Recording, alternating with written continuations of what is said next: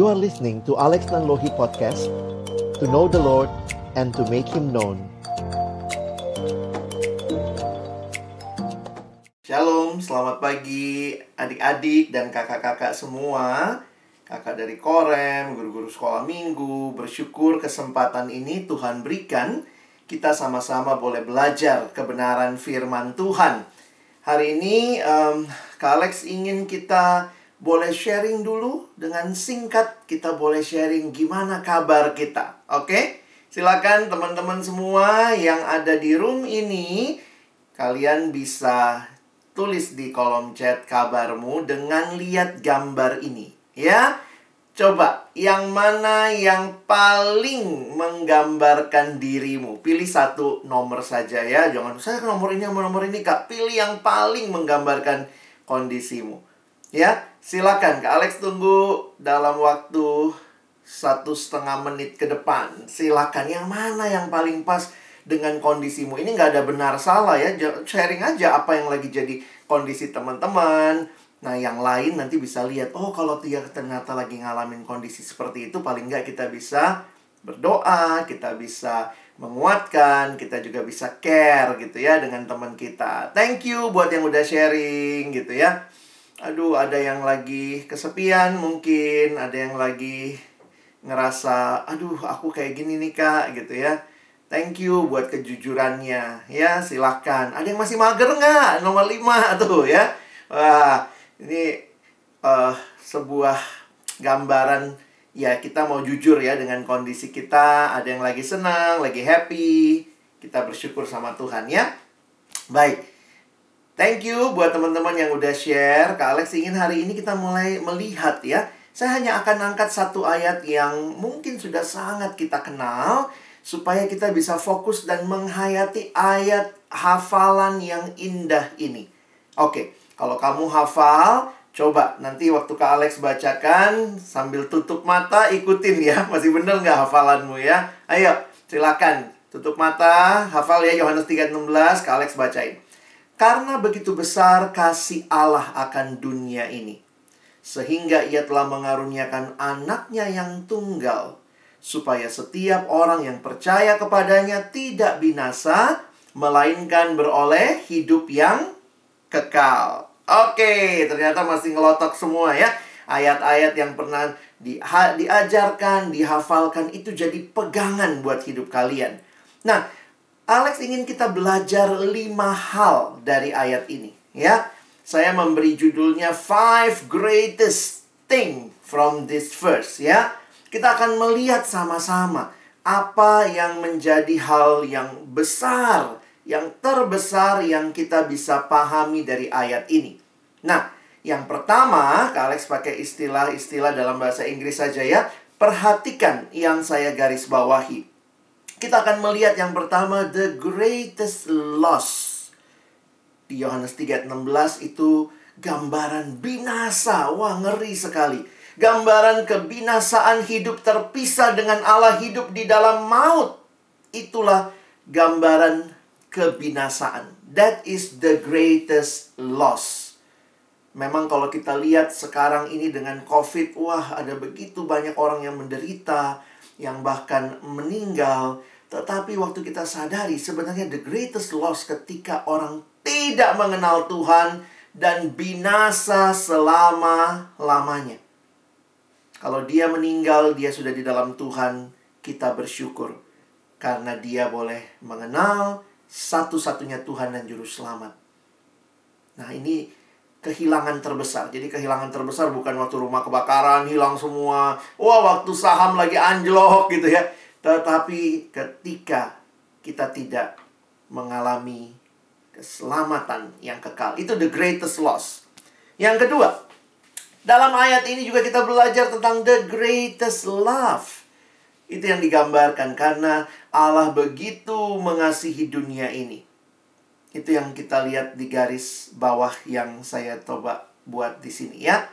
Nah, selanjutnya kita melihat juga the greatest gift. Apa pemberian yang terbesar yang pernah ada di dalam sejarah hidup manusia?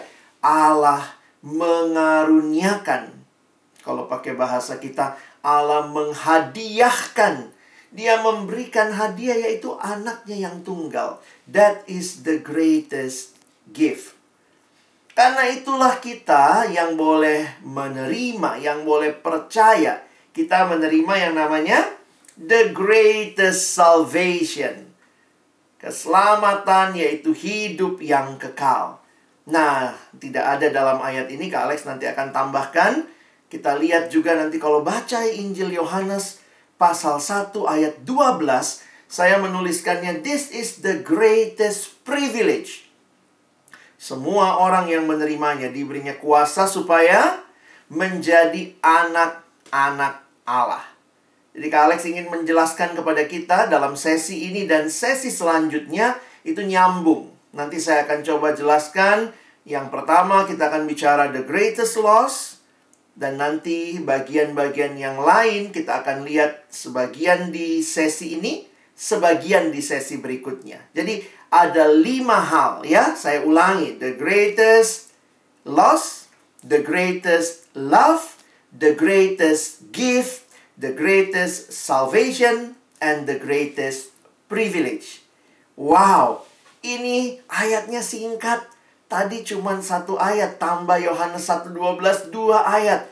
Tapi kita belajar lima kebenaran yang Tuhan nyatakan bagi kita. Yuk kita mulai ya. Teman-teman, saya ingin kita kembali mengingat apa sih sebenarnya yang menjadi the greatest loss ini. Kalau kita ingat, manusia kan awalnya itu dicipta oleh Allah. Manusia ciptaan Allah, kejadian pasal 1 mencatat bahwa awal mulanya Allah menciptakan manusia begitu indah. Manusia yang diciptakan segambar dan serupa dengan Allah. Itu artinya manusia itu hanya menemukan kepuasan sejatinya dalam di dalam penciptanya. Kayak baut sama mur ini ya. Wah, paling klop kalau nyambung begitu ya itulah manusia dengan Allah. Jadi manusia itu sejak awal bukan makhluk independen, bukan makhluk yang hidupnya terserah gua. Harusnya kita sadar betul kita adalah makhluk yang diciptakan oleh Allah. Dan karena kita diciptakan oleh Allah, maka kepuasan sejati kita hanya di dalam Tuhan. Tapi kita masih ingat ya, ceritanya sejak sekolah minggu kita melihat bahwa Allah yang menciptakan kita begitu indah. Tetapi kejadian pasal 3 menuliskan manusia berontak kepada Allah. Nah, jadi di situlah kalau kita melihat awal dosa, dosa di Alkitab ada banyak penggambaran. Salah satunya yang Kak Alex mau angkat hari ini adalah kata hamartia. Jadi dosa itu bicara pelanggaran, dosa itu bicara ketidakbenaran, ketidakkudusan. Tapi satu istilah yang Alkitab gunakan untuk dosa adalah hamartia. Teman-teman, hamartia itu bisa digambarkan sebagai kalau bahasa Inggris menerjemahkan missing the mark. Ini kalau kayak orang sedang memanah, harusnya kan yang kena yang paling tengah ya. Oh, kalau maunya pemanah yang bagus harusnya kena bidang sasaran yang paling tengah. Nah ini ya gambarannya bagi saya menarik banget ya. Boro-boro kena kena bidang sasaran ya, apalagi yang tengah. Itu yang disebut melenceng, meleset dari sasaran. Itulah gambaran dosa, teman-teman. Ingat ya, Allah ciptakan manusia supaya manusia menemukan kepuasan di dalam Tuhan. Allah menciptakan manusia supaya manusia bisa mengasihi sesama. Allah menciptakan manusia supaya manusia bisa memelihara alam. Missing the mark, tidak mencapai sasaran. Harusnya Allah dimuliakan, malah manusia lari dari Allah. Harusnya sesama dikasihi, tetapi lihat dalam dosa, manusia justru. Masih ingat Adam menyalahkan Hawa? Waktu ditanya Tuhan, ada kau makan buah pohon itu? Eh, dia nunjuk nih. Perempuan yang kau tempatkan di sisiku. Sampai kejadian empat mencatat seorang kakak, seorang abang, seorang koko. Tega bunuh adiknya sendiri.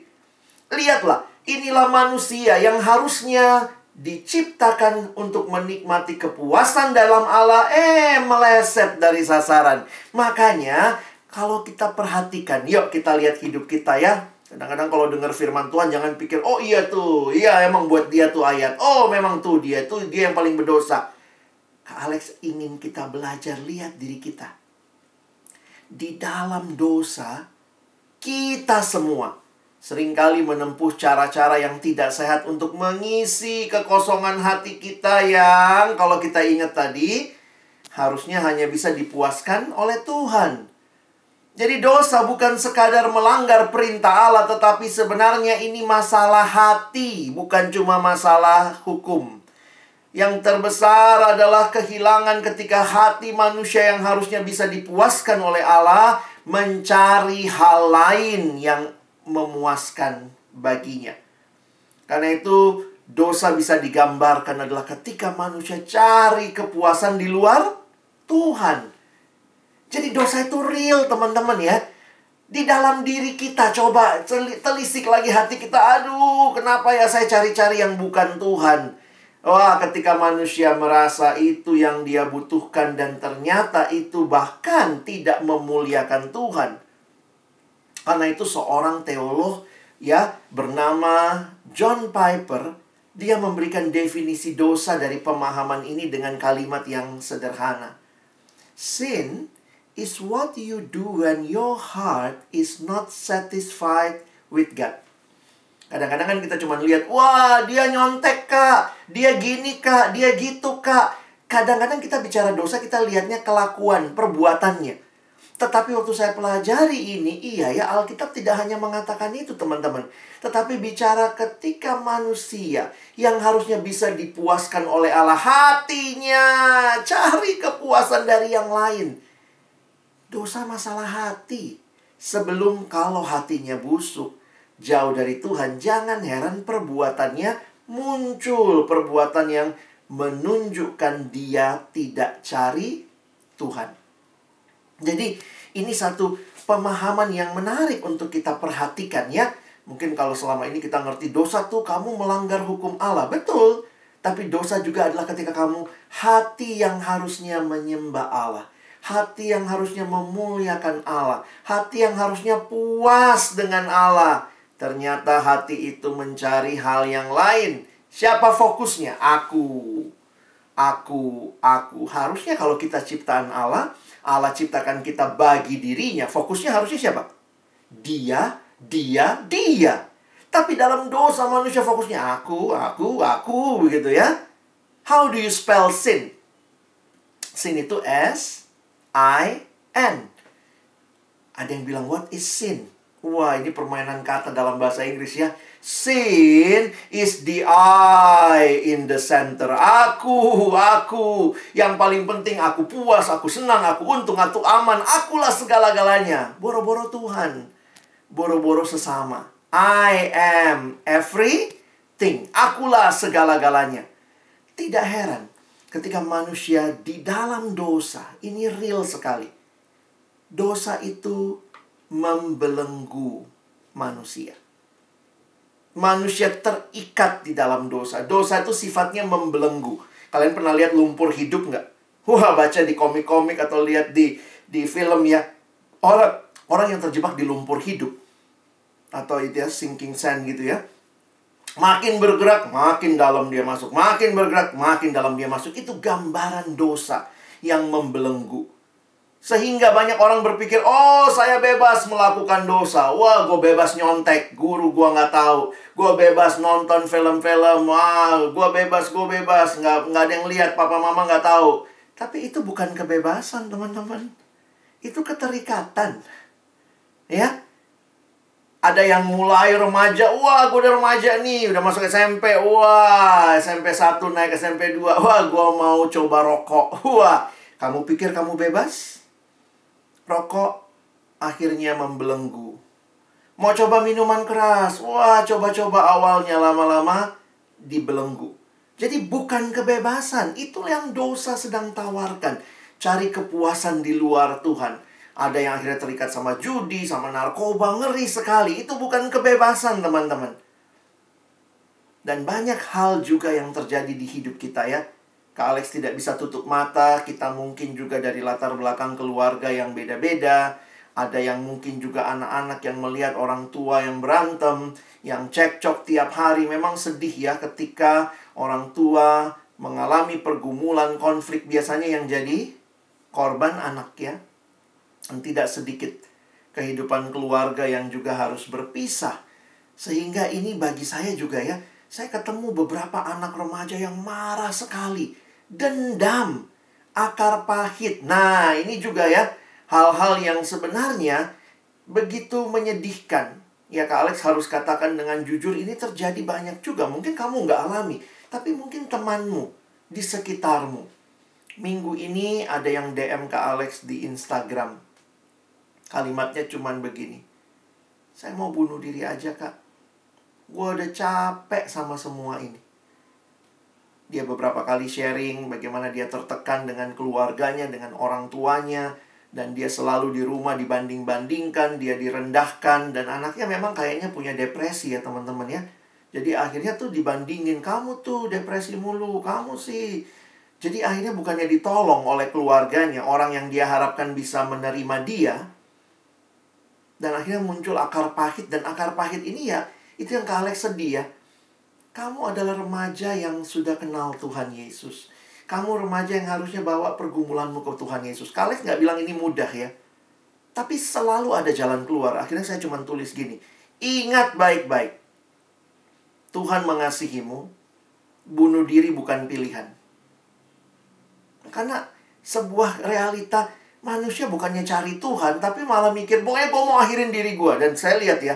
Banyak anak remaja sekarang silet-silet ya coba-coba gitu ya dan itu semua adalah hanya untuk mengatakan gue capek tapi dia nggak cari Tuhan ingat kepuasan sejatimu dalam Tuhan jangan bangun akar pahit ya ini dosa-dosa yang saya pikir ya manusia selalu cari yang bukan Tuhan itulah salahnya kita gitu ya nah lalu kemudian kalian lihat juga di antara pertemanan kadang-kadang ada bully wah kak sekarang nggak nggak nggak kayak gini sih kak bulinya mungkin di grup lain, di grup WA gitu karena kan nggak ketemuan ya. Tapi ini jadi realita ketika manusia akhirnya merendahkan sesamanya. Kenapa? Kalau dia tidak kenal Tuhan, dia pun pasti akan semena-mena terhadap sesamanya. Tapi kalau kamu sungguh-sungguh kenal Tuhan, kamu tidak akan memperlakukan orang lain. Karena ingat perintah Allah. Kasihilah Tuhan Allahmu dengan segenap hatimu. Tapi bukan sampai sampai situ doang. Kasihilah sesamamu manusia. Ini yang Tuhan mau dari kehidupan kita. Jadi teman-teman, kita lihat juga ya, beberapa dosa lain kadang-kadang Kak Alex lihat, saya nggak tahu nih kalian termasuk yang dibully atau kamu yang suka membuli. Nah ini mesti tobat ya. Ayo, jangan hidup di dalam hal merendahkan orang lain. Bully itu kan kita merendahkan orang lain. Ya. Nah, lalu lihat lagi.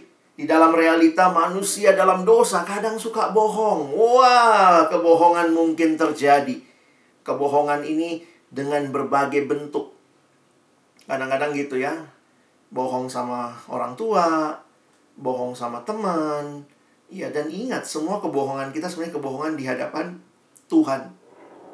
Di dalam sekolah kita belajar, mungkin juga ada kebohongan-kebohongan yang masih jadi bagian yang kita lakukan. Sekarang dengan online begini pun banyak yang suka bohong gitu ya. Bisa gampang sekali gitu.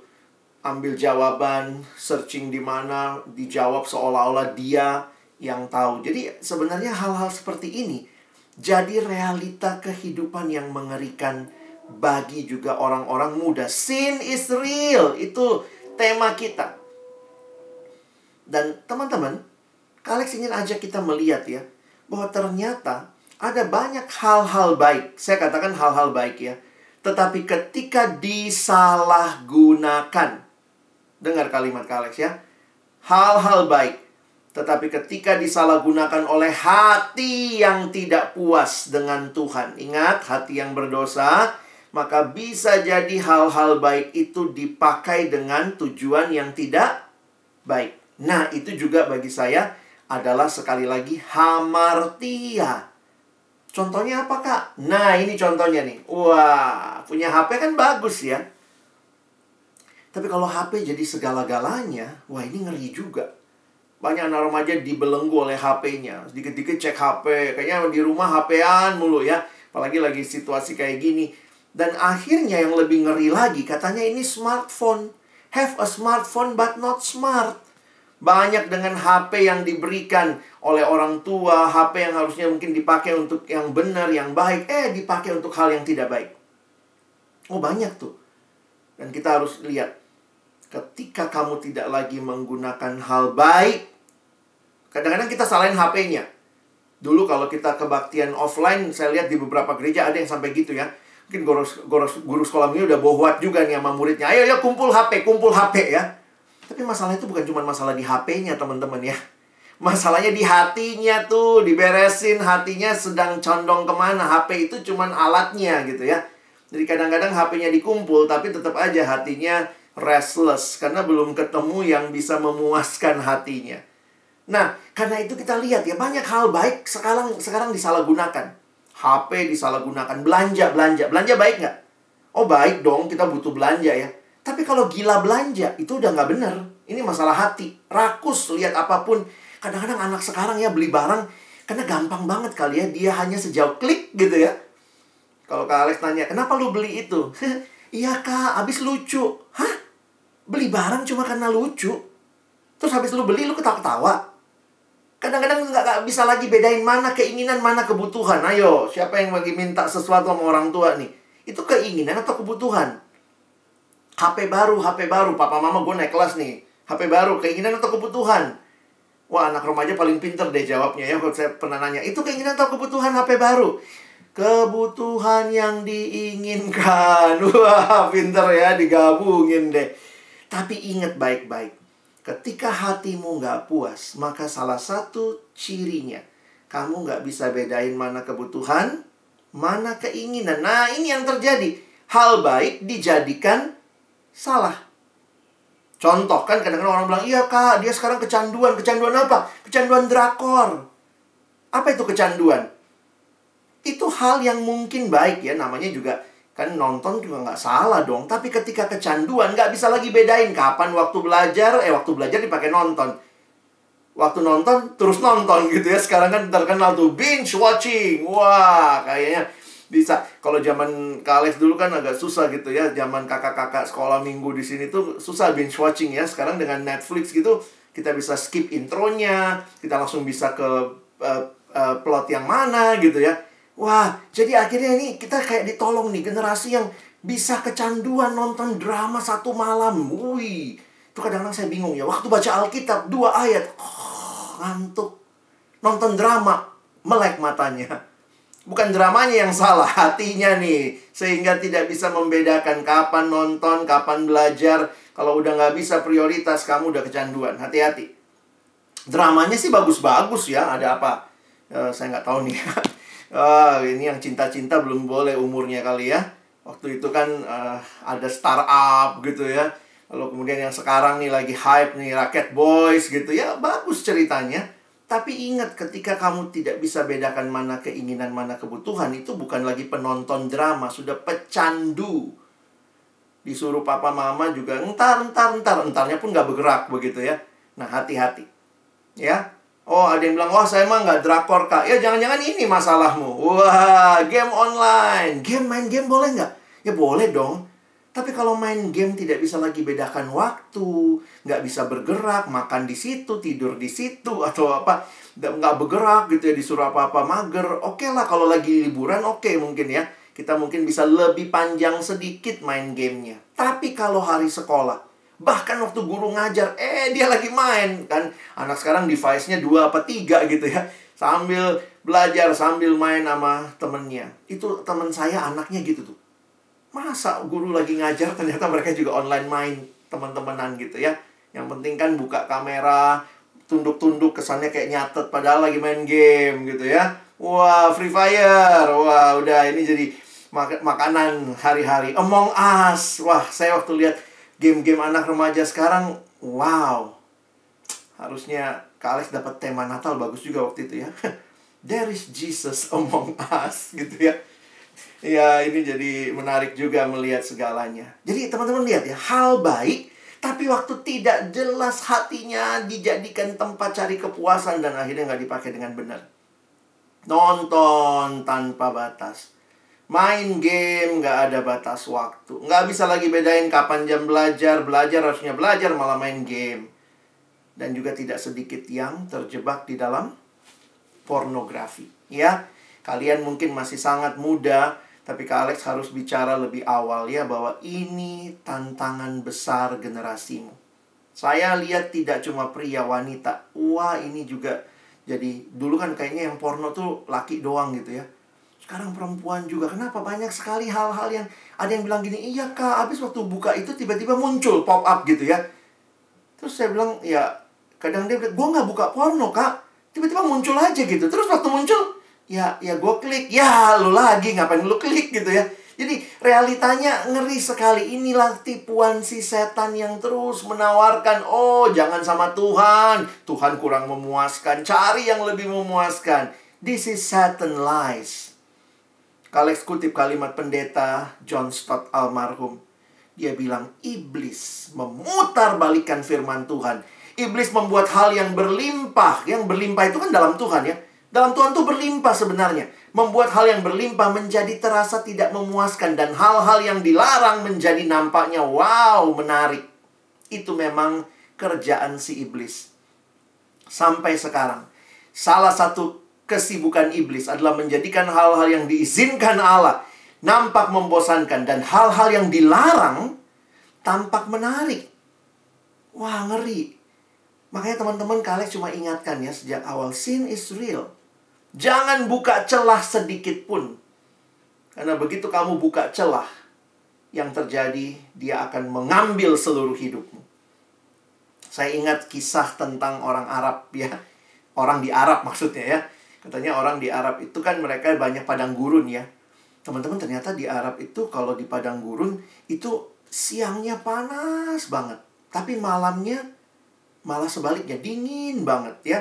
Jadi ceritanya ini ini tipsnya ya katanya kalau lagi di padang gurun biasanya kan uh, pas uh, harus bermalam di padang gurun biasanya kan dibikinlah tenda lalu kemudian uh, tenda kan lebih hangat ya. Nah, biasanya katanya si unta unta itu suka masukkan kepala biar hangat ke dalam tenda.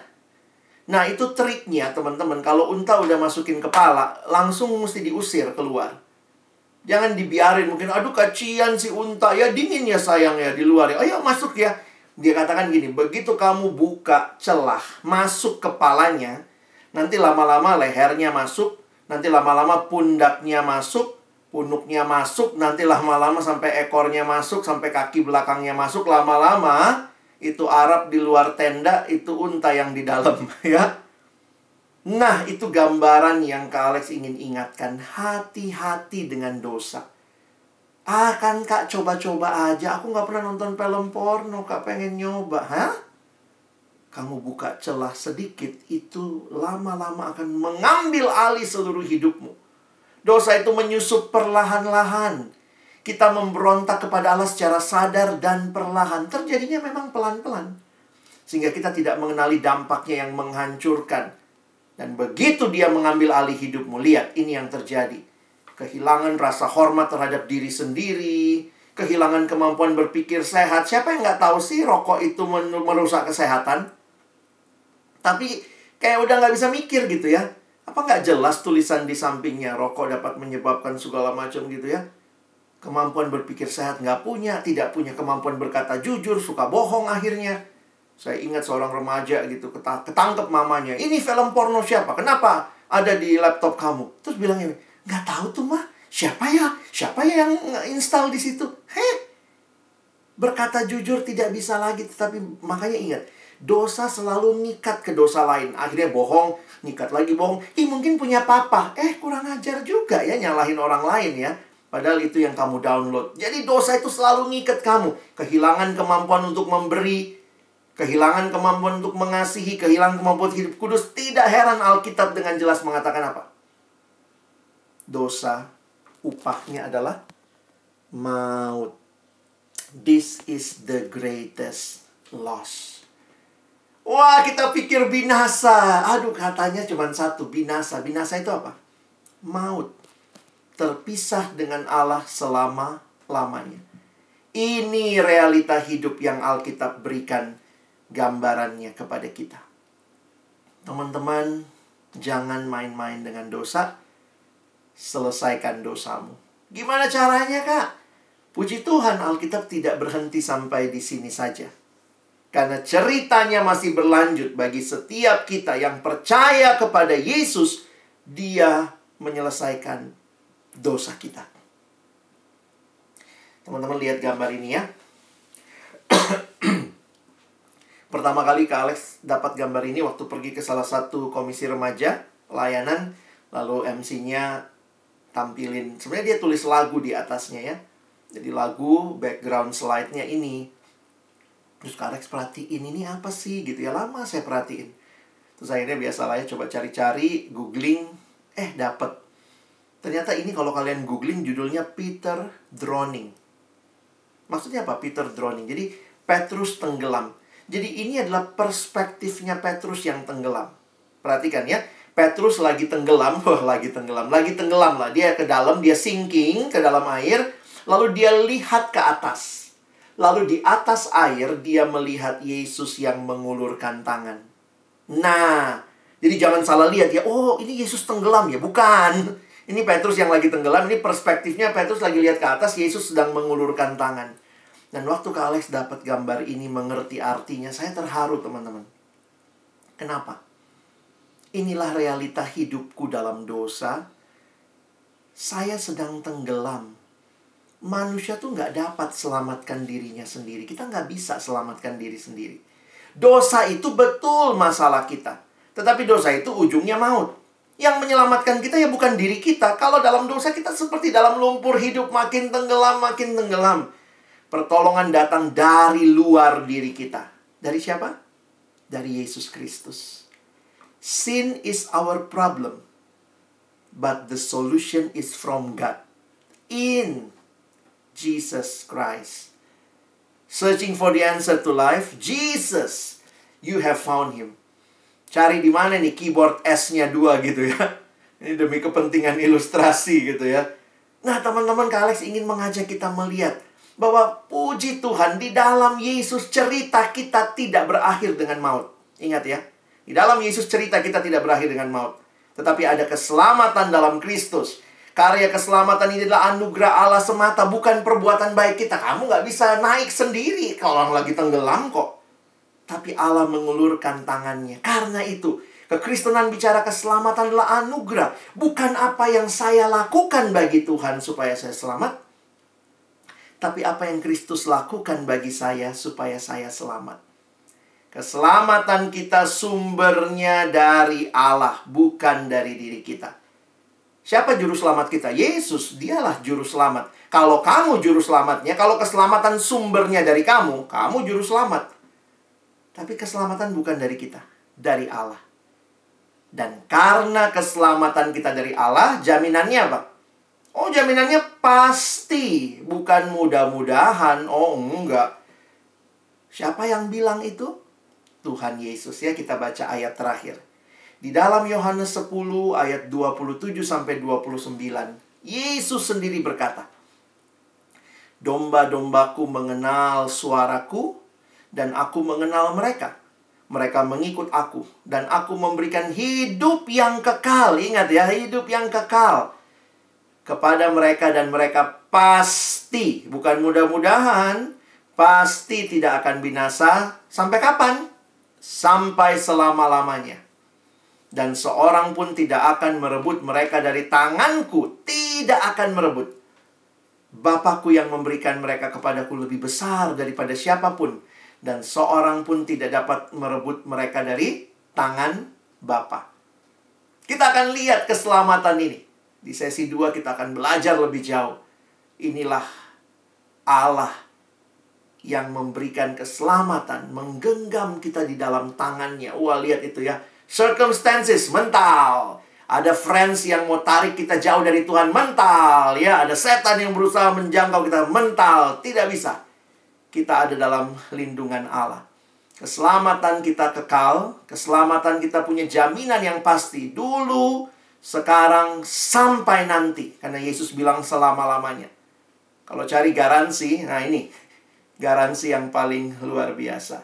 100% guaranteed. Nah, kiranya firman Tuhan ini menolong adik-adik untuk bisa lihat lagi hidupmu.